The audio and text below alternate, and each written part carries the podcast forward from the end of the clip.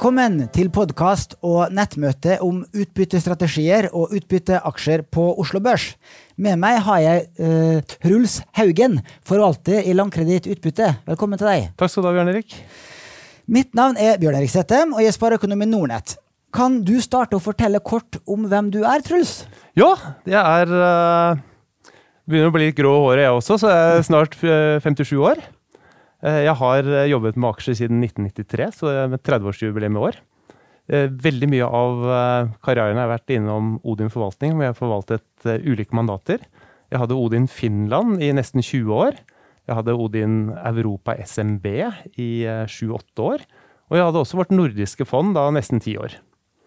Og så ble man jo litt uenig på et eller annet tidspunkt, og da tenkte jeg at nei, Eh, her skal jeg sitte og gjøre dette selv. Så jeg satt som eh, privatinvestor et, eh, et par år.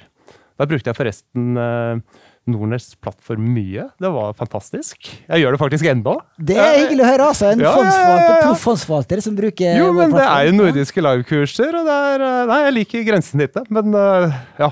Det, og jeg er ikke betalt for å drive markedsføring her. Men eh, Så du klarte ikke så bra som eh, privat investor at du eh, ville fortsette med det? da, For du gikk tilbake til å forvalte andres penger igjen? Ja, altså dette var jo litt Det hang egentlig sammen med covid. Det var egentlig veldig greit å sitte hjemme, det gjorde jo alle. Men i fjor høst så fikk jeg en telefon fra Landkreditt som var ute etter en ny forvalter for utbyttefondet. Og det var god match. Så det var veldig interessant, så den, den, tok jeg. Men jeg slipper ikke taket helt. Eh, var det superlønnsomt å være privat investor? Eh, eller var det at du savna et miljø, forvaltningsmiljø å, å snakke med? Du, det var egentlig begge deler. Det å kunne sitte som privat investor og bare fokusere på den morsomme delen av dette her, og jobbe med selskaper på nordisk basis, var fantastisk. Men jeg må jo si at uh, uh, madammen syntes det var veldig greit at jeg forsvant ut fra kjøkkenbenken. så, så det var, jeg savner litt miljøet. Det var liksom veldig god timing. Sant? Eh, Langkreditt Utbytte er jo et populært fond blant våre kunder. Eh, de har eh, over 200 millioner kroner i fondet, og det har jo vært eh, eh god og lang historikk. Men eh, fortell kort om fondet. Ja, Først må jeg få lov til å si altså, takke kundene. Jeg setter veldig stor pris på det. Jeg er veldig ydmyk på dette å forvalte andres penger. Det er jo andres sparepenger. Men fondet er i utgangspunktet et mandat eh, som investerer på Oslo Børs. Det er eh, helt indeksuavhengig, så her driver vi, eh, på en måte enkeltaksjevalg. Og det er en utbyttebasert tanke at uh, selskapene skal betale utbytte. Men uh, det har jo mange fasetter, og det kommer vi tilbake til. Men stockpicking på Oslo Børs er fokus. Samt, og disse Utbytteepisodene i Pengepodden og på vår YouTube-kanal er jo veldig populære. Eh, ofte de som blir mest sett og hørt. Og det er jo fordi at mange av våre kunder er jo utbytteinvestorer selv, og syns det er veldig eh, artig og lønnsomt å lage sin egen utbytteportefølje og få da eh, årlige aksjeutbytter inn på konto som kan reinvesteres. Det kan eh, nesten sammenlignes med å kjøpe en leilighet for utleie, hvor du da får månedlige leieinntekter. Du får et litt mer aktivt eierskap kanskje til de aksjene du eier, når du får direkteavkastning hvert år? Ja, altså jeg tror jo at, eller jeg, jeg vet at dette med direkteavkastning er viktig. Vi kommer jo tilbake til det også. Men um, det å um, det å, å, få utbytte, det er jo det eneste konkrete du egentlig får ut av en aksjeinvestering. Og da kan du bruke det til, eh, til å kjøpe nye aksjer, eller betale skatten din. Den går jo bare opp opp. Mm. Sant? Og eh, jeg kan nevne at på Shareville så er en av de mest, eh, en av de største diskusjonsgruppene der, den heter Utbytteaksjer for langsiktig sparing. og Der diskuteres det alt fra enkeltaksjer til utbyttestrategier, hvordan skal man reinvestere utbyttene mest effektivt, osv. Så, videre. så hvis du er interessert i utbytteinvesteringer, så gå inn på Shareville og meld deg inn der, og bli med i diskusjonen. Uh, og uh, en, en, en, annen populær og, og, og, en annen grunn til at utbytteinvesteringer er såpass populært, er at uh, Utbytteaksjer er jo gjerne litt lavere risiko, litt mindre svingninger i disse eh, litt trauste, verdiorienterte selskapene, mens du får om lag markedsavkastning. Så du kan, du kan få en bedre risikojustert avkastning ved å sitte med en sånn utbyttefond eller utbytteaksjer. Ja, det kan du gjøre, men dette med utbytte er jo også et uh, sånn toegget eh, sverd. fordi at uh, det vi liker med utbytte, er jo de som betaler ut jevnt utbytte år etter år, år, hvor utbytte egentlig er en refleksjon av den underliggende forretningsmodellen. Det er de gangene hvor du ser at utbyttet er veldig høyt, og da tenker jeg mer i form av direkteavkastningen, eller yielden, så, så skal man ofte være litt grann var, for det kan enten kan være at de betaler ut altfor mye i forhold til de midlene selskapene egentlig har tilgjengelig, eller at det er i en så syklisk bransje som på en måte enkeltår betaler ut mye, og andre år så på en måte betaler du ut ingenting. Så vi er jo ute etter der hvor du ser på en måte en, en jevn utbyttestrøm, og hvor dette egentlig bare er et, uh, en, en lakmustest på den underliggende forretningsmodellen. For de som uh, følger oss på YouTube, så har vi noen foiler her, men vi skal prøve å forklare det uh, såpass grundig og forståelig at uh, de som hører på pod, skal også henge med i svingene. Men du har med en foil som viser totalavkastninga til eierne av en aksje. Ja, og jeg tror at hvis jeg noen gang skal holde en presentasjon og få lov til å ta med én foil, så tar jeg med denne. For her kan man egentlig snakke om hele dynamikken ved det å være aksjeinvestor. Og man, Hvis man tenker på den uh, totalavkastningen man får, så kan man egentlig dele den opp i tre elementer. Det ene er inntjeningsvekst per aksje. Det andre er utbytte, eller dividendegilden. Og så er det på en måte den multiplen som denne aksjen har. Eller markedsmultiplen, og det har noe med risiko å gjøre. Fordi at inntjeningsvekst Man får jo ofte det spørsmål uh, ja, det er en utbytteaksje, da er det ingen vekst. Uh, jeg vil egentlig si det stikk motsatte. jeg elsker vekst, men sånn som vi har, på en måte formidlet vår investeringsfilosofi, så vil vi gjerne si at selskapet har litt utbytte. Og det skyldes egentlig at har det litt utbytte over tid, så er det en underliggende fri kontantstrøm. Og, liksom, det, er det som er litt nøkkelen her. Og dette med, med, inntjeningsvekst er jo viktig. Altså, ingen aksjer som ikke har inntjeningsvekst, måte vil antageligvis overleve over tid. Så her blir det egentlig bare et, et, et spill mellom om man eh, allokerer kapital for å vokse, eller man betaler det ut for utbytte. Og man får jo ofte snakk om at, uh, at ja, det er høyt utbytte, da kan det ikke vokse. Det kommer helt an på underliggende forretningsmodell. For hvis du har et veldig kapitalet selskap, som ikke trenger kapital for å vokse, da kan du betale ut alt utbytte og allikevel vokse. Mm. Så her må vi tenke liksom eh, fram og tilbake hvordan, hvordan, dette egentlig reflekterer forretningsmodellen til selskapet. Og så har du også dette med bare for å ta det siste, dette med pris. Um, for at selskapet kan jo gå altså, hvor bra som helst. Men totalavkastningen din kan være svak fordi at du får en multiple kontraksjon. altså aksjene blir billigere. Og Det kan jo være at eh, du gikk inn på feil tidspunkt. Du kjøpte rett og slett for dyrt. Enkeltaksjen. Eller det kan være at markedet måte har vært for dyrt, slik at det også blir priset ned. Så du kan jo få den der anomalien at selskapet går kjempebra, men totalavkastningen din blir veldig dårlig fordi at markedet faller. Mm.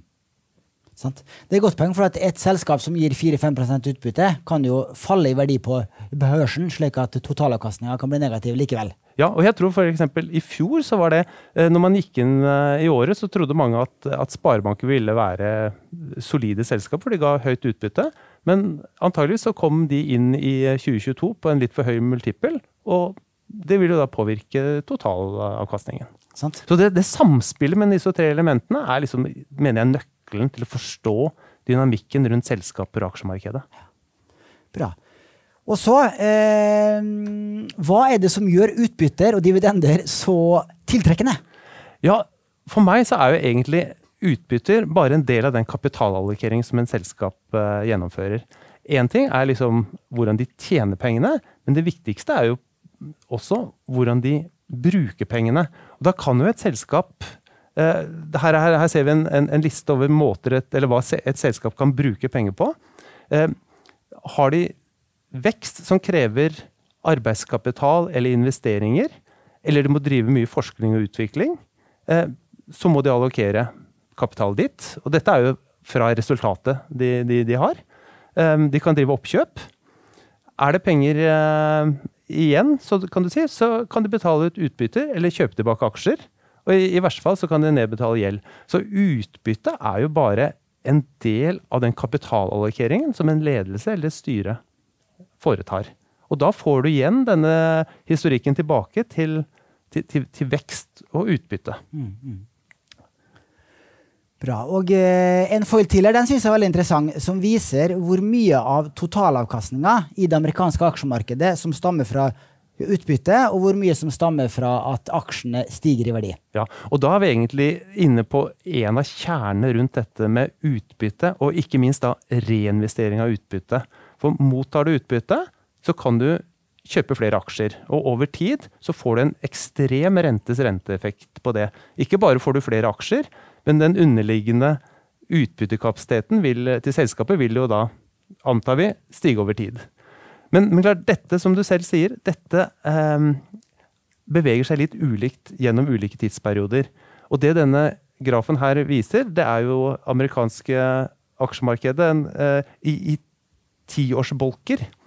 Og det, det, er klart at skal vi si, andelen som kommer fra kursstigning eller da disse utbyttene, vil variere litt avhengig av hvordan markedet er. Eh, det grelleste eksempelet her er kanskje på, på 2000-tallet, hvor markedet gikk inn da i 2000 eh, på et veldig høyt nivå. Og hvor det aller meste avkastningen faktisk i det tiåret skyldes utbytte og reinvestering i det. Men da var det nesten null avkastning òg i det tiåret? Ikke sant. Uh, mens uh, enkelte år så er markedet supersterkt uh, på, på kursstigning, og utbyttet på en måte vil stå for en mindre del. Men i snitt så er kanskje, eller sånn som disse tallene viser, eh, ca. 40% av din totalavkastning over tid kan du henspeile tilbake til utbytte og reinvestering av utbytte. Mm, mm. Det er et uh, høyt tall, syns jeg. Men hvis du tar snittet de siste 40 årene, så er det kanskje rundt halvparten av det igjen, fordi at, eh, eller i hvert fall vesentlig under 40% fordi at med fallende renter så har du jo fått multiple ekspansjon, som du snakka om i sted, og da har jo eh, aksjekursene eh, steget uvanlig mye. Eh, mens aksjeutbyttene ligger mer stabilt, så svinger eh, verdiutviklingen på aksjemarkedet mer. Ja, Det har du helt rett i. Så, så klart, dette er veldig avhengig av, av, av tidsperiodene. Men jeg tror at vi, det er veldig vanskelig å komme vekk fra det faktum at over tid så vil utbytte og reinvestering av utbytte selvfølgelig, Du må ikke bruke opp pengene på noe, noe annet. Det betyr veldig mye for totalavkastningen din. Mm. Sant. Eh, dividendens mange hoder eh, eh, har du folk som heter? Ja, og da er jeg litt tilbake til dette her. Liksom, hva er det utbytte representerer? Én ting er den, den monetære delen av det med, med avkastning. Det andre er jo det som utbytte på en måte er med på å avdekke.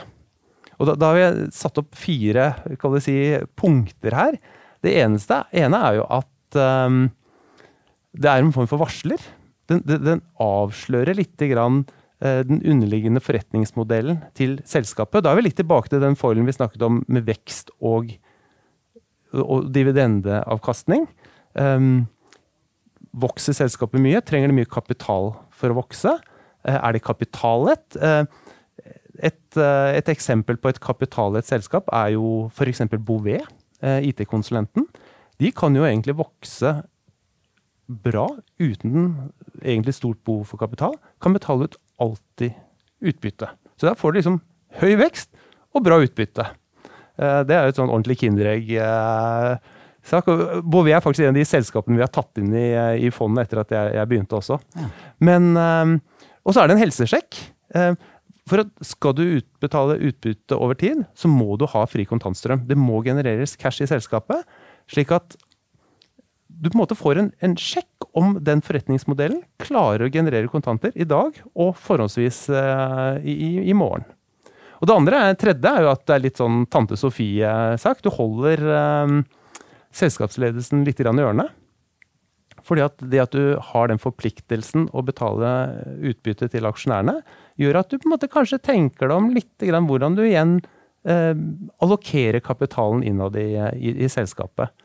Og det er jo de som hevder at eh, egentlig så burde man jo eh, si at eh, jeg skal ha alt utbytte.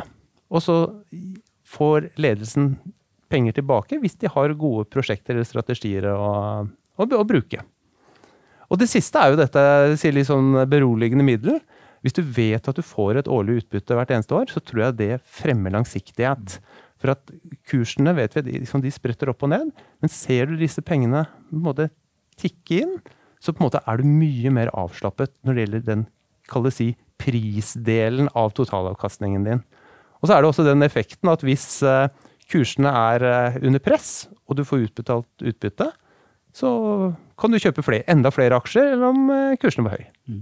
Men eh, Lankerud Utbytte betaler jo ikke ut utbyttene til andelseierne. Det gjorde dere for noen, noen år tilbake. Eh, det får jeg stadig vekk spørsmål om. Finnes det aksjefond der du faktisk får utbytte? For det finnes ETF-er der du får utbytte, men ikke noe aksjefond som jeg har sett. Nei, det er vel noen fond som, uh, som har på en måte en utbytteutbetalende andelsklasse. Vi har ikke det. Vi reinvesterer egentlig alt da i uh, i, i, fondets aksjer. Så du får egentlig samme effekten. en del av våre kunder vil gjerne ha utbytte på konto. Eh, så du kan jo ta det med det tilbake til eh, Mikael og gjengen. Det skal jeg gjøre. Jeg har allerede gjort det. Men jeg vet det er litt ekstra arbeid. Det er veldig mye ekstra arbeid ved å håndtere det rent praktisk. Ja, og, og, vi på Nordnett vil helst ikke ha det, fordi at. Eh, vi gjør jo det med rentefondene. Da betaler vi ut renteavkastningen i januar hvert år, og det er en del hessel med en slik utbetaling. Veldig mye hessel. Og jeg tror faktisk, eller jeg vet at utbytte, det var faktisk ut, uh, utbetalende en, uh, for en del år tilbake. Ja, det var det. For fem år siden da jeg begynte her, så var det mm. utbyttebetaling. Mm. Så skal vi mer over til å se på Landkreditt Utbytte sin portefølje. Og Den består av 28 selskaper for tiden. Ja, ganske konsentrert. Uh, og jeg liker uh, egentlig dette bildet her, for dette er alle aksjene i porteføljen. Uh, ettårsgrafer. Og egentlig et godt skal vi si, et grafisk, visuelt uttrykk på diversifisering i et fond. For det er klart at alle disse kurvene de går ikke samme vei hele tiden. selvfølgelig skal vi, vi, vi ville gjerne sett at alle gikk oppover samtidig, men dessverre så gjør det jo ikke det. Men, men det, det, det, det representerer også det underliggende ved et aksjefond. Det skal være diversifisert. Eh, går noe bra, så kan det være noe som går dårlig, og vice versa. Eh, men også da mangfoldigheten av eksponering som du har i, i denne type fond. Dette bildet er så vakkert at du kunne ramma inn og hatt over sofaen i stua? Jeg tror madammen ville blitt litt sånn Men det er jo fine farger, da. Og, så, og det var en som ironisk sa at eh, jeg kan jo ikke ha mer enn 28 selskaper i fondet, for da passer det akkurat inn i dette på skjermen. Det er faktisk helt riktig. Ja.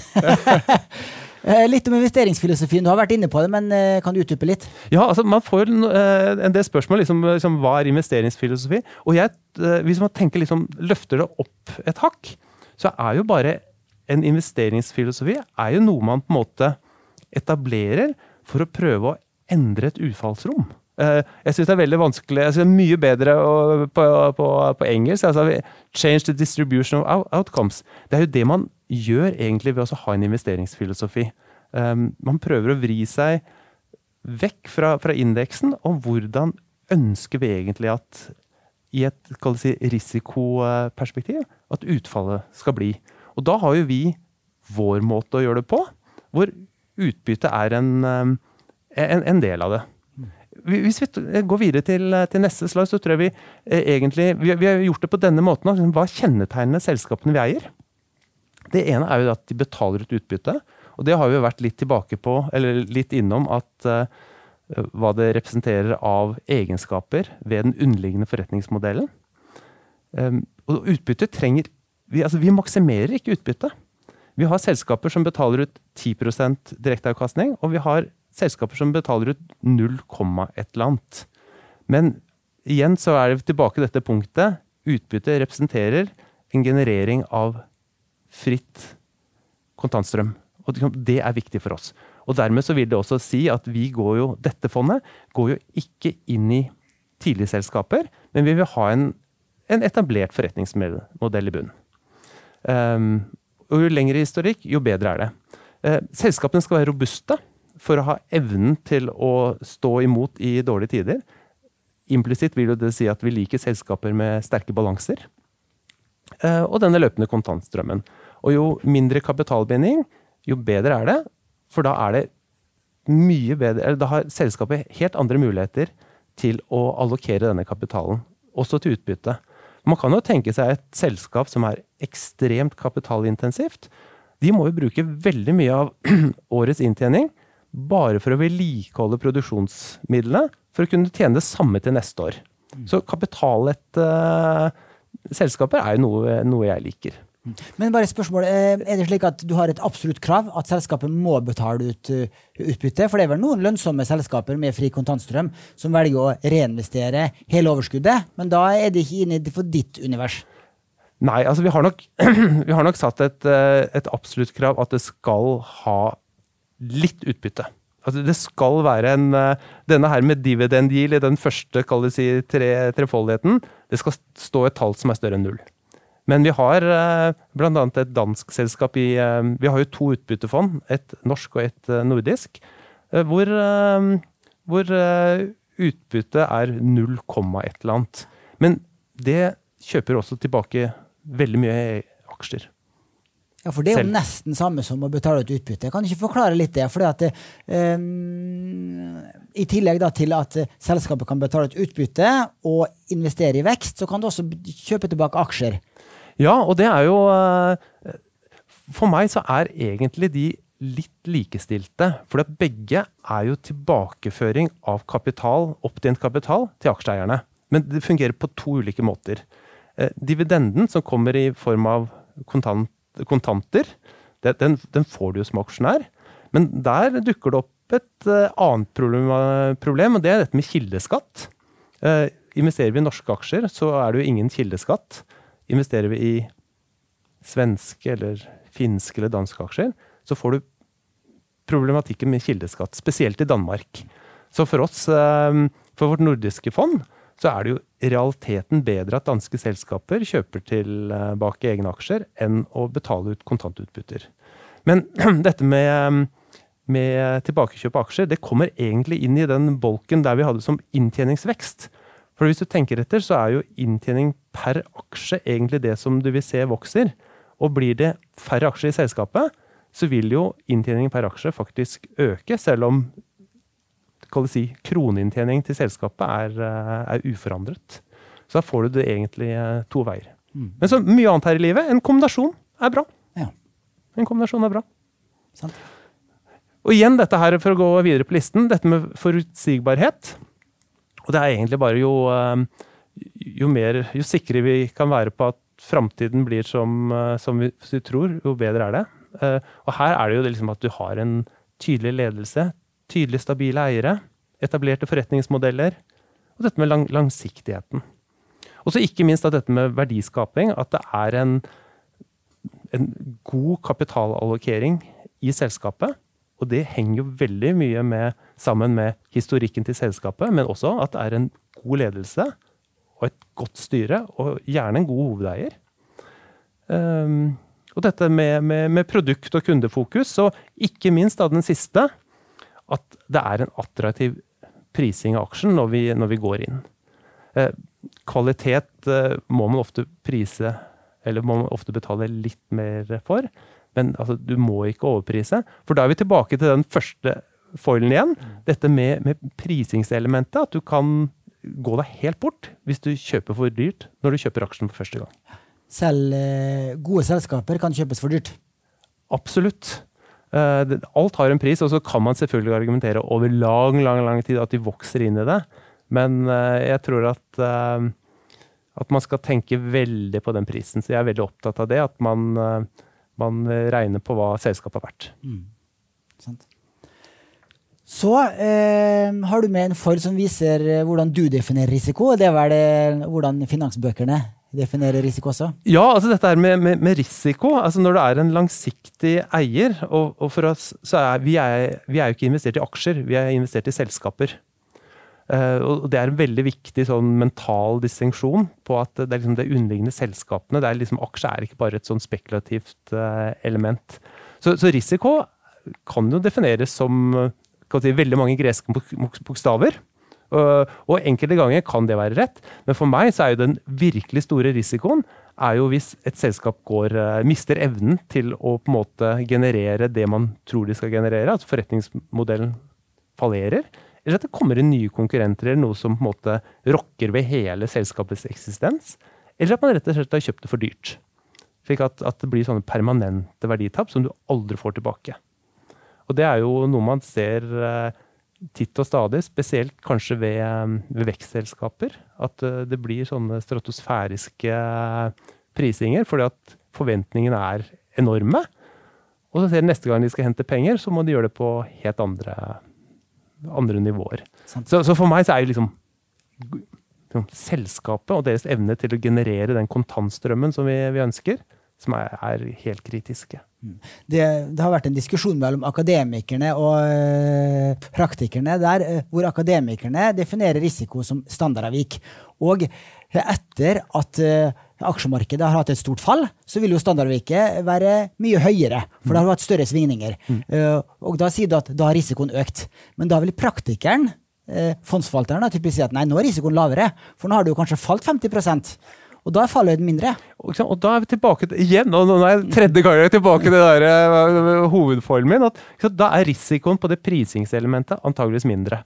Og, og, det du egentlig bringer opp, er jo hele den diskusjonen når skal du kjøpe en aksje. Og, og, for meg så er jo egentlig det beste kjøpstilfellet er jo når det gjør ordentlig vondt å kjøpe. Altså Når alt annet skriker, når, når avisenes forside sier at nå liksom, går alt til helvete og dette er liksom bare elendighet, det er jo ofte da du gjør de gode, langsiktige kjøpene.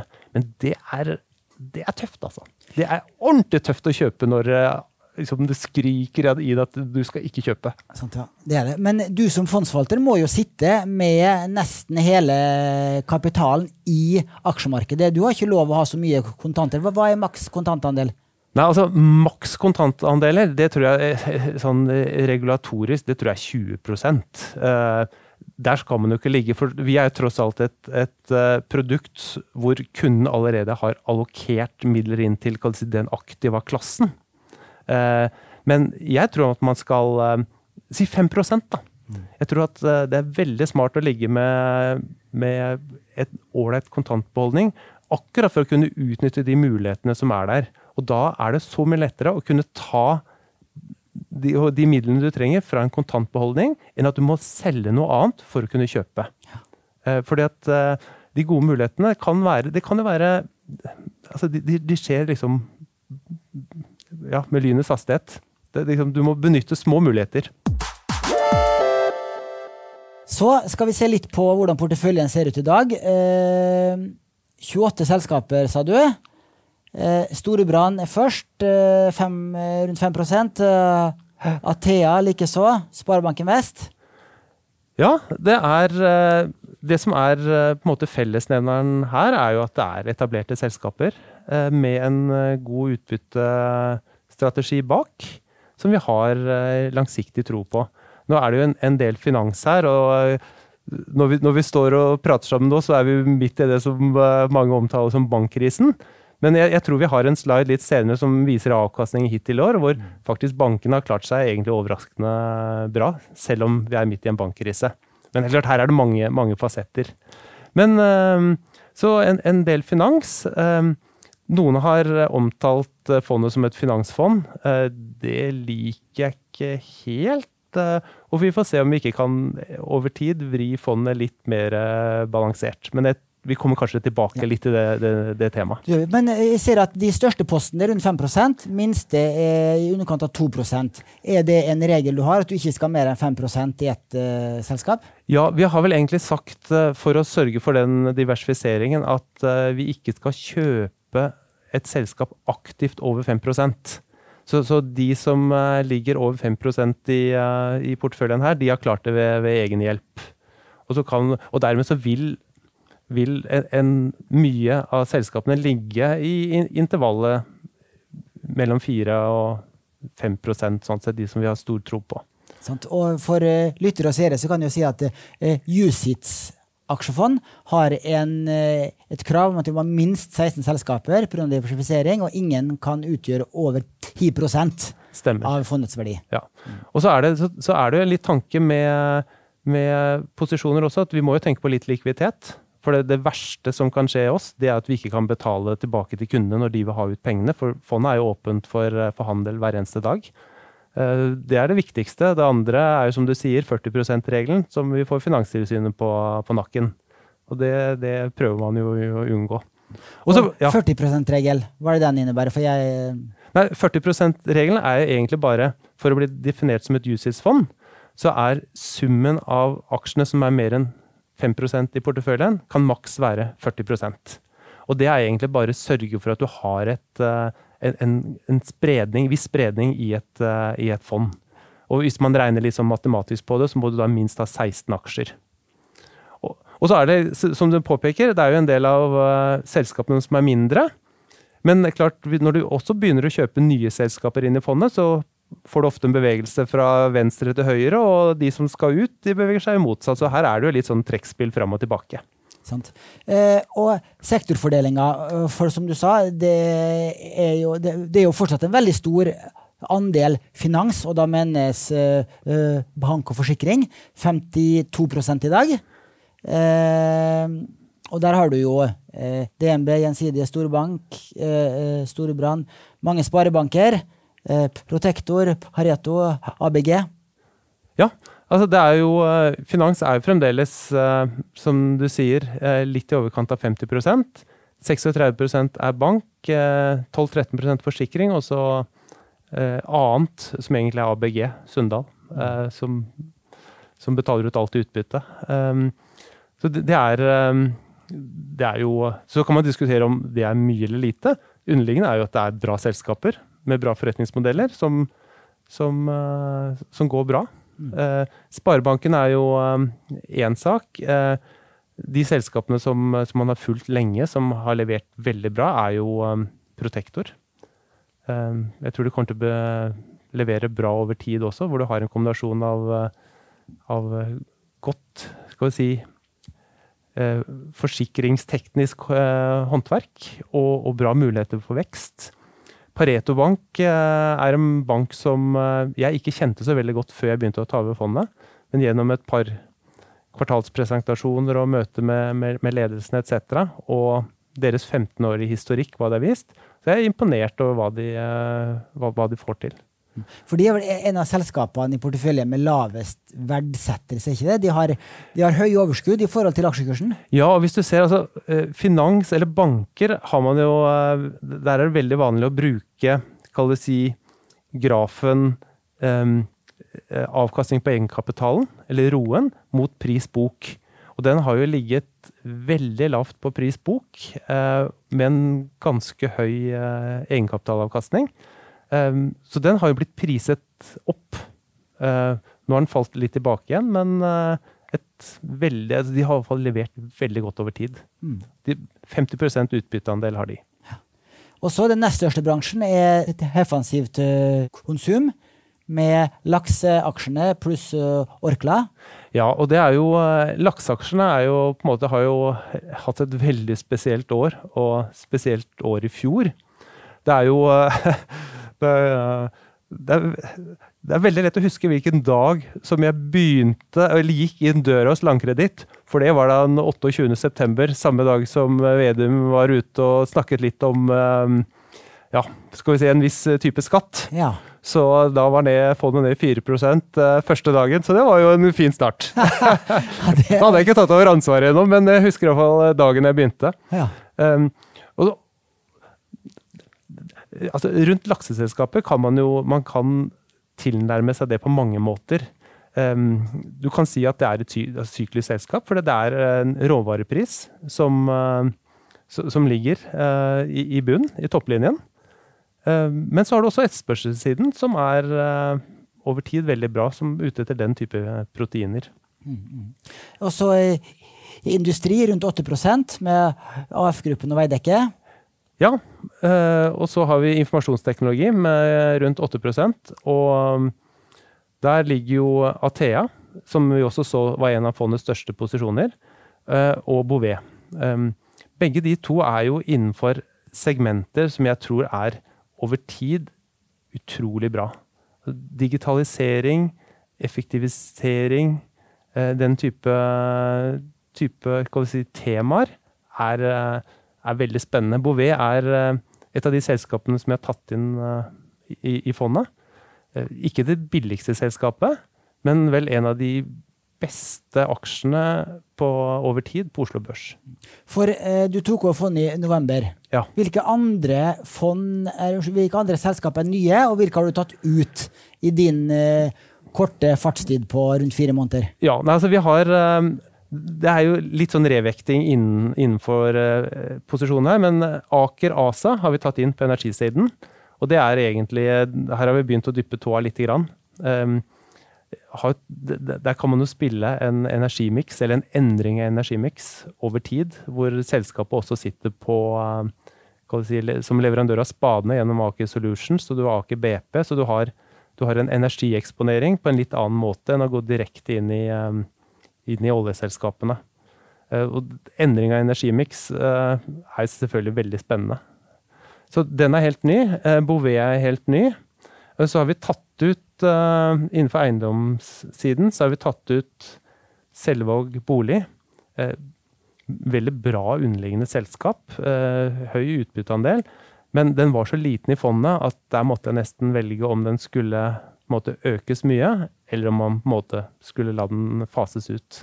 Og da ble den brukt som fundingkandidat for uh, bl.a. å ta inn Bouvet. Mm. Og så, og så, har man, eh, Egentlig har jeg prøvd å vekte finans litt ned, men så har man hatt en del selskaper som har gått innmari bra sånn kursmessig, som på en måte jobbet mot meg, da, på en måte. Men, eh, og så får vi se. Men vi jobber med dette med, med diversifiseringen, eh, uten tvil. Mm. Og bare hvis vi tar de siste her òg, veldig kjapt, så har du syklisk konsum med knappe 4% Der er det Hidde Europris kommunikasjon eh, rundt 4 med Helenor. Og så var det innom Aker på energi. Materialer så har du Borregaard. Forsyning så er det Elmera Group. Ja. Eh, jeg kan jo si at jeg hadde en, en, samtale med din forgjenger for et par uker siden okay. Sigurd okay. Klev. Han har jo, som, som, dere vet, han har jo blitt forvalter i Heimdal Utbytte. Som er et veldig likt fond, høres det ut som. Det skal også investere i norske utbytteaksjer. Eh, og han eh, sa noe litt av det samme som deg også, at han eh, vil da sikte mot en litt mindre finansandel og prøve å gjøre det Heimdal-fondet litt mer spenstig enn det gamle Landkreditt utbyttet. Okay, okay, ja. og det høres ut som han og, og, og, og, det han sa, at han hadde litt eksponering mot shipping, litt mot oljeselskaper og litt mot råvareselskaper. Det høres ut som at dere henker litt likt her, da. Kanskje noe med hvor i sykelen norsk økonomi er også? Ja, og du, nå åpner du opp egentlig boksen for mange ulike spørsmål som jeg kommer på her i farta. Det ene er dette med, med, sykliske selskaper. Hvis vi tenker på hvordan et syklisk selskap, altså hva som driver salget, så er det egentlig to komponenter. Eller det gjelder alle selskaper. Pris og volum. Og jo mer et selskap er avhengig av priskomponenten, og hvis det er en priskomponent du ikke kan styre, som en råvare ofte er, jo mindre må jeg si jeg liker selskapet. Så jo mer kall det si wishy-washy eh, prissiden er, jo bedre er det. Et selskap som, som, som slår meg med en gang her, er jo Borregaard, som har hundrevis av nisjeprodukter, hvor du på en måte ikke har helt kontroll på, på prissiden. Så, så, de selskapene du vil ha over tid, er jo de som måte, har volumvekst. Mm. Uten tvil. Mm. Um, men ak og akkurat nå er jo priselementet ganske skal vi si, elevert på en del selskaper innenfor den sykliske industrien. Og de betaler ut masse utbytter, men ikke nødvendigvis uh, vedvarende. Mm. Men, og, ja. Eh, når du sitter med et uh, syklisk selskap som uh, Aker, da, kanskje siden det har en, en, en stor vekt innenfor olje, er det slik at du da har tenkt å bli sittende med det i veldig mange år, eller er det slik at du må prøve å time de syklene slik at du vil selge deg ut eh, raskere av et syklisk selskap eh, eh, enn av et mer defensivt, stabilt selskap. Ja, Et syklisk selskap, der må det jo være mye mer si, på alerten når det gjelder dette å time egentlig kjøp og salg. Vi er jo, som vi var litt inne på tidligere, der hvor du har en, en, måte, en, en saktegående tog som bare tikker oppover, det er jo det beste. Hvor du på en måte er mer av hvordan selskapet drives framover, enn å prøve å time disse syklene. Og der er jo um, alt som er råvarebasert, uh, er jo uh, mer utsatt for den, den priselementet. Og så kan jeg argumentere mot meg selv også, selvfølgelig, at laks er avhengig av en, en markedspris. Eh, finans kan du jo si at renten er på en måte en, en pris, det også. Så, så, det er jo et element. Så. Men det, jeg, må, jeg, jeg, må, jo bare le. Eh, jeg, jeg, la jo merke til, i og med at du tok over, eh, eller nevnte tidligere forvalteren, så la jeg jo merke her på siste månedsbrev at det selskapet var tatt inn. Så kanskje han uh, sitter og følger med på hva vi gjør. ja, og Da tenker du på uh, Bouvet. Bouvet ja. Mm. Sant, ja. Mm. Interessant. Ja, ja, men det, ja, det var som en liten anekdote. det er ikke, uh, Andedammen er ikke så stor. Nei da. men det som dette fondet også har muligheten for, som ikke er benyttet tidligere, er jo at det er åpning i vedtektene for å gå utenfor Norge. Ja. Og det er klart at med den kan si, min bakgrunn som Norden-forvalter, så ser jeg jo at det er masse fine selskaper der ute som kunne være med og på en måte diversifisert eh, dette fondet noe på både eksponering og, og risikosiden. Um, uten at man strekker den strikken for langt. Men, Veldig kort, eh, Hvilke selskaper da står på shortlisten? Vil liksom være første nordiske Nei, det, ikke norske? Det vil jeg ikke si. Bra forsøk, men det vil jeg ikke si. da skal vi se litt på de, de selskapene i porteføljen, og hvilke utbytter de gir. For der er det jo På topp så er jo Elmera, det er jo tidligere Fjordkraft. Ja. Eh, jeg stussa litt da jeg så det, det selskapet i porteføljen. Eh, det har gitt 11 utbytte. Eh, det er vel 2022-tall her? Ja, det denne grafen viser, og den er egentlig litt sånn komplisert, for her har du mye informasjon på, på en gang. De mørke stablene og det tallene står på toppen, det er direkteavkastningen. Og disse tallene lagde jeg når siste selskap hadde rapportert dividenden, for at ellers beveger prisene. Så, så fondet eh, er da 5,3% direkteavkastning, sånn som det ser ut nå. Eh, og som vi snakket om tidligere, det er ikke noe mål å maksimere den. Eh, absolutt ikke. Men du vil ha selskaper med ulike typer direkteavkastning, avhengig av igjen tilbake til den første, første sliden. Hva de trenger for bruk av vekst, hva de kan betale ut uh, av dividende uh, etc. Og så er det de gule prikkene, egentlig uh, vekten i porteføljen, som du også kan lese på denne aksen. Og de grønne, lysegrønne er da bidraget i, i prosent, kan du si, som summerer seg opp til den. Mm. Så da kan man egentlig se litt grann, hvem er som bidrar mye. Og f.eks. et bidrag eh, Sparebanken Nord-Norge er vel det selskapet som nå bidrar mest si, til det utbyttet, fordi de har betalt ut um, Eller skal betale ut, så vi får håpe at de gjør det. Um, neste over 90 av eh, resultatet. Fordi at de rett og slett var overkapitaliserte. Mm. 5,3% eh, direkteavkastning, altså utbyttenivå. Det er jo veldig høyt. Det er jo langt mer enn man kan få på sparekonto i dag. Eh, og jeg vet at eh, verdensindeksen, altså MSA World, ligger på i overkant av 2% som et langsiktig snitt på yield, altså på utbytte i forhold til markedsverdier. Oslo Børs ligger vel kanskje på en eh, rundt 4% på langsiktig snitt, men 5,3 er høyt. Ja, det er bra. Nå har jeg ikke helt kontroll på historikken til fondet, men hvis du ser på de andre nordiske markedene, så og forventningene de neste tolv månedene, så tror jeg at uh, Oslo Børs ligger på sekstallet. Og det skyldes jo at vi har en del sykliske selskaper med råvarepriser som er høye, som på en måte nå en måte flommer aksjonærene over med, med, penger. Så ligger vel Finland ganske høyt. Og dette har litt med, med næringsstruktur. Finland ligger høyt, opp mot fem. Eh, Stockholm tror jeg ligger litt under fire. Og København vel rett under to. Men i København som vi snakket om litt tidligere, de bruker jo også veldig mye tilbakekjøp. Eh, og eh, for eksempel, hvis, eh, hvis du ser på utbyttegilden på Nasdaq-indeksen som er en teknologivekstindeks, så er den veldig lav. fordi det er jo vekstselskaper uh, som reinvesterer mesteparten av utbyttet i å vokse.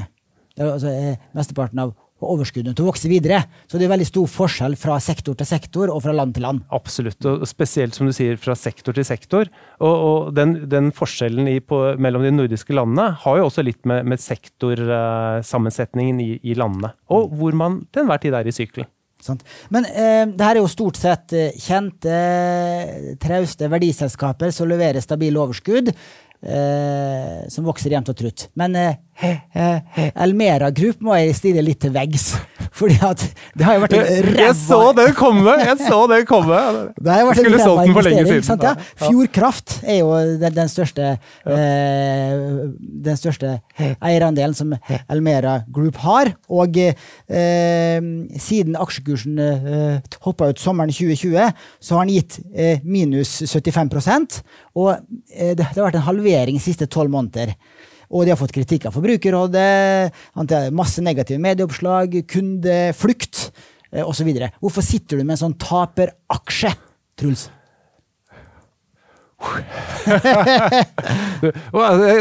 kan jeg jo selvfølgelig først si at eh, den var i fondet.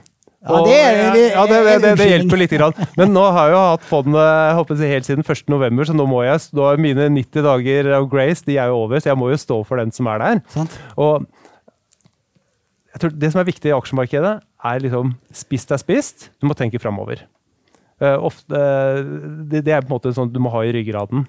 Og jeg har brukt mye tid på Elmera, og den, den startet jo egentlig innmari bra ut. Da, for at de, de, leverte godt. Og så hadde de selvfølgelig et, et fjorår som var måte, Det var jo perfect storm med alt som skjedde rundt, uh, rundt elektrisitetspriser. Og så gikk det nok også i Den hadde gått vanvittig bra. Så den gikk jo inn på en, eh, en, en prisingsmultipel som sikkert ikke lignet grisen. Men uh, jeg tror at inntjeningskapasiteten i si, litt mer si, normaliserte markeder er veldig bra. Og utbyttekapasiteten er god. Så akkurat nå så gir jeg en litt sånn benefit eh, of the doubt på, på prising. Ofte er det sånne aksjer også som du har en sånn persepsjonsreise det går fra å bli sett på som et dårlig selskap til å bli sett på som et godt selskap, gjør jo ofte noe på multiplen. At du kan få den reprisingen, og du får inntjening tilbake og reprisingen tilbake. Men det er klart at den utbytteandelen der, den, den er generert av eh, mye mer enn Altså de har betalt ut mye mer enn de har generert i resultat. Så det er ikke bærekraftig.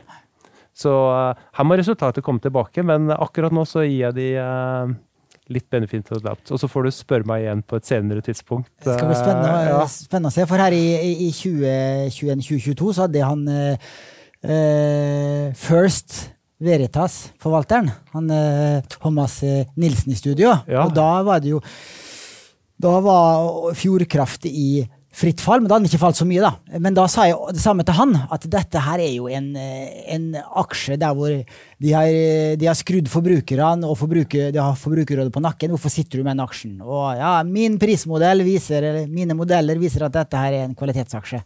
Men det var jo ikke det. Så vi får se hvem som har rett. nå. Ja, ja Thomas jeg er jo tidligere kollegaer også, så det, ja, ja, det er bra fond, det. Han har jo vært Absolutt, i Odin Eiendom, han. Ja. Så, og så har du med Nå begynner vi å nærme oss uh, landing her, men uh, en foil som viser avkastninga på de ulike aksjene hittil i år. Ja, du uh, ba meg ta med, ta med den. og når vi snakket sammen første gang, da var det jo avkastningen ved utgangen av februar. Det så jo ordentlig bra ut. Så da var jo veldig mye av disse her grafene var jo her. Mm -hmm. og, og, disse grafene ble tatt på fredag, og så, dette blir jo veldig sånn mikroobservasjoner, og markedet har jo gått flere prosent siden denne gangen. Men det som er interessant med dette her, er jo det at hvis du Og jeg har satt en liten sånn gul eh, ring rundt, eller en firkant rundt, er jo at der ligger veldig mye av sparebankene. Så selv om vi nå på en måte har stått i en bankkrise, så er sparebankene ned kanskje 3-4-5% på denne grafen tar vi dagens kurser, så er de omtrent flate. Så selv om det er veldig mye føss i media, og det med rette, så, så, har jo kursene holdt seg ganske bra. Og det er jo fordi at de, de tjener bra med penger, og prisingen er egentlig helt, uh, helt grei. Sant? Og eh, den som har utvikla seg svakest så langt i år, det er Storebrand. Det er litt overraskende. Det er jo for så vidt en finansaksje, men eh, eh, bankvirksomheten deres er jo veldig liten. Det er jo eh, tjenestepensjon og kapitalforvaltning som er de store beina til Storebrand.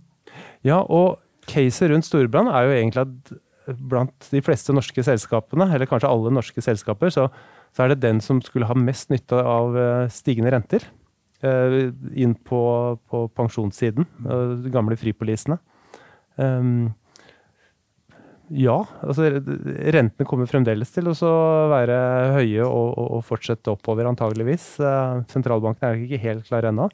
Men det kan være at man, man, fokuserer mer på at det er litt tyngre for si, kapitalforvaltningssiden og asset under management. Um, ja, noen ganger vet man det ikke helt. Um, de har jo investert i en del, uh, del uh, obligasjoner og sånn i sine porteføljer, selvfølgelig, som kan være utsatt for tap, men uh, ja.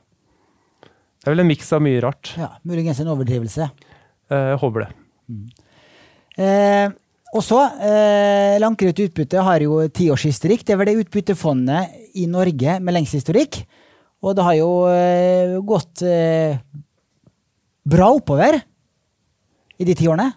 Ja, ja, altså all ære for, eh, for den historikken. Det å ha levert uh, Den hadde faktisk burs, tiårsbursdag, så vi hadde barnebursdag her i slutten av februar. Yeah. Og, og, levert uh, 12,1% årlig avkastning i den perioden. Det er det bare å takke bukke til, til tidligere forvalter. Det er fantastisk. Mm. man håper jo at man kan levere noe sånt framover også, men det får man jo se. Men de som har sittet i fondet lenge, og aksjeinvesteringer er jo langsiktighet. Så vært, eh, sånn sett har jo strategien fungert. Sant. Eh, jeg kan jo legge til at det har jo eh, Fondet hadde jo fem stjerner en periode. Nå har det fire stjerner. Det var vel nedi tre stjerner også. Og jeg så på Morningstar har jo en, den stjernerangeringa deres, som er, der du kan få inntil fem stjerner. Den er basert på et, et, et snitt av tre års risikojustert avkastning, og femårs og tiårs. Og eh, treårsavkastninga til langkruttutbytte har vært eh, svak. Men eh, eh, tiårsavkastning har jo vært kjempesterk. Ja, ja, ja, og så nå, etter du eh, eh, tok over i november, så du, ligger du litt foran indeks, stemmer det? Ja, altså det, det er en veldig kort periode, da. Men, det ja, jeg, jeg, så det, og jeg, jeg, har jo tallene. Og jeg, det, det, er klart at man ligger noen, eh, noen prosentpoeng foran indeks. Eh, både i FX-en og enda mer på OBX-en. Men det er korte perioder, altså. Er jeg, så, jeg, er så ydmyk. Jeg har holdt på med dette så lenge at jeg er så ydmyk på, på kortsiktig avkastning at jeg, jeg, jeg, har så mange disclaimere på det at jeg tør nesten ikke å si det. Nei, ja. for, for, på uh, generelt så vil et forvalterbytte være et rødt flagg. Eh, blant disse store fondsselektørene så ser jeg at når når et fond bytter forvalter, så står det fondet på watchlist med en gang.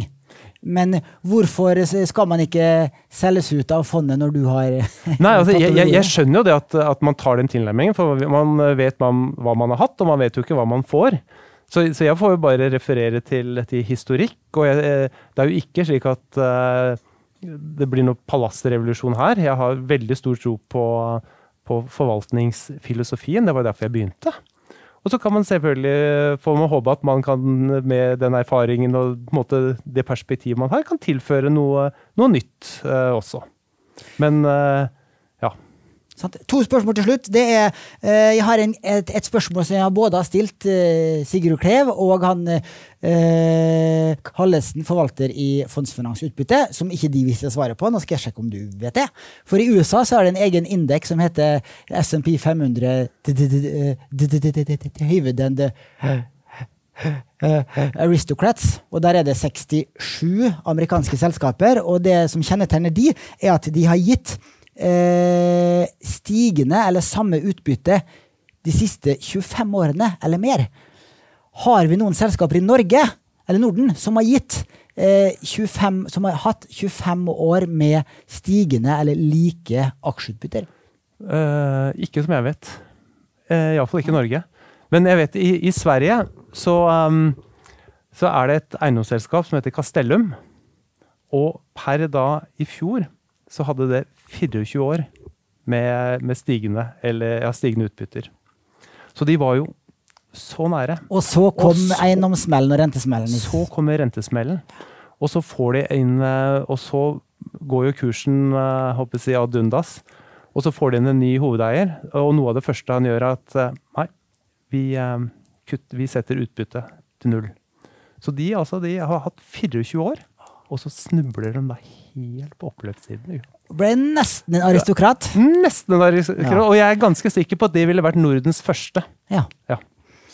Interessant. Og så eh, et spørsmål til. Jeg ser ofte på den der nå Sharewill-gruppa, eh, langsiktig sparing i eh, utbytteaksjer, så diskuteres det hva er den beste strategien for reinvestering av utbytter. Skal man reinvestere i det samme selskapet? Skal man, skal man vente med å reinvestere, slik at man får eh, stø en større sum å kjøpe aksjer for? Der har jeg også noe med minstekurtasje, hvis man er en liten privatinvestor. Hvilken strategi har du som eh, forvalter når det gjelder å reinvestere utbytter? Nei, altså, vi, er, vi har jo et fond, så eh, der blir jo egentlig aksjene, eller skal vi si utbyttene, reinvestert i fondet. Så det er ikke nødvendigvis at det er, er det måte, akkurat det samme selskapet. Men hele poenget med å reinvestere utbytter er jo at fra den ene dagen til den andre, så plutselig står det med flere antall aksjer. Det er jo det som er eh, Som du da får forhåpentligvis et økt ut, neste år. Um, som privatinvestor, eh, og, for så vidt også som, eh, som si, fondsforvalter, så skal man tenke litt på dette med kildeskatt. Um, vi har ikke noe kildeskatt på norske aksjer. Men, eller vi har det, men ikke som, som nordmann. Um, investerer du i eh, de andre nordiske landene f.eks., for, for å bruke det som, eh, som, eh, som et underlag, så er det ulike typer kildeskatt, så du får jo ikke hele utbyttet. Det må man tenke litt på når man ja. Sant? Det, det er et godt poeng. Og nå er, vi, nå er vi inne i skattemeldingsperioden, og da er det jo eh, slike spørsmål vi får med kildeskatt. Og eh, der er det jo litt forskjellige regler på hvilken konto du har valgt, men det kan vi ta en annen gang. Ja, og du, du er jo mulighet for å på en måte søke til de eh, andre landets skattemyndigheter, men det er mye krøll, altså. Det er det. Så vi, ja. en del av våre kunder som har da utenlandske utbytteaksjer, eh, sliter litt med det der. Ja. Og, eh, men jeg har skrevet et bra blogginnlegg om eh, det, hvilke regler som gjelder på ulike kontotyper. Og jeg har også laget en video om hvordan du kan okay. få refundert eh, kildeskatten, i hvert fall hvis du har en aksjefondskonto da, og, og kan trekke den fra i norsk skatt. Ja, ja nei, det er litt, uh, litt sånn komplisert, det der. Så, men men, men så er det ett Hvis du skal La oss si du sitter som privatinvestor og, og skal reinvestere utbytte i samme aksje. Så da kan man jo Man kan iallfall se litt på det at det som ofte er det et interessant tidspunkt da, å reinvestere, det er jo dagen etter den faller med utbytte. Eh, For fall, som ofte så faller den jo med utbytte med en gang. Og spesielt hvis det er litt røde børsdager, så kan du jo se, og gjerne ganske tidlig etter børsåpning, at aksjen faller mer enn utbytte. Og hvis du har tilgjengelige midler, da kan du på en måte gå inn med det beløpet som du på en måte skulle hatt som utbytte, med en gang. Og da, da kan det noen ganger være litt eh, noe å hente. Mm. Men der får man sitte og på en måte leke seg litt fram. Ja, sant. For eh, det er, altså, som hovedregel så faller aksjekursen likt med utbytte hvis børsen er stabil den dagen. Ja, eh, det, det kan du si. Men som oftest, eh, vil jeg si, eh, spesielt hvis utbyttet liksom ikke er sånn kjempestort, så, så spiser egentlig kursstigningen veldig fort opp det, si det fallet. Eh, og så har jeg en liten gulrot til disse utbytteinvestorene våre. Det er at vi jobber med en løsning hvor man kan få automatisert reinvestering av aksjeutbytter. Det tar nok litt tid, men det er noe som kalles RIP. Reinvesting dividends, som de har på en del amerikanske plattformer. Så det jobber vi med i Nordnett også. Jeg håper vi får det til, og da tror jeg eh, Spennende. det er enda lettere å være utbytteinvestor. Flott. Da tror jeg vi skal runde av. Tusen takk for at du kunne komme, Truls. Det var eh, supertrivelig. Takk til alle som hørte og så på. Vi høres igjen om en uke.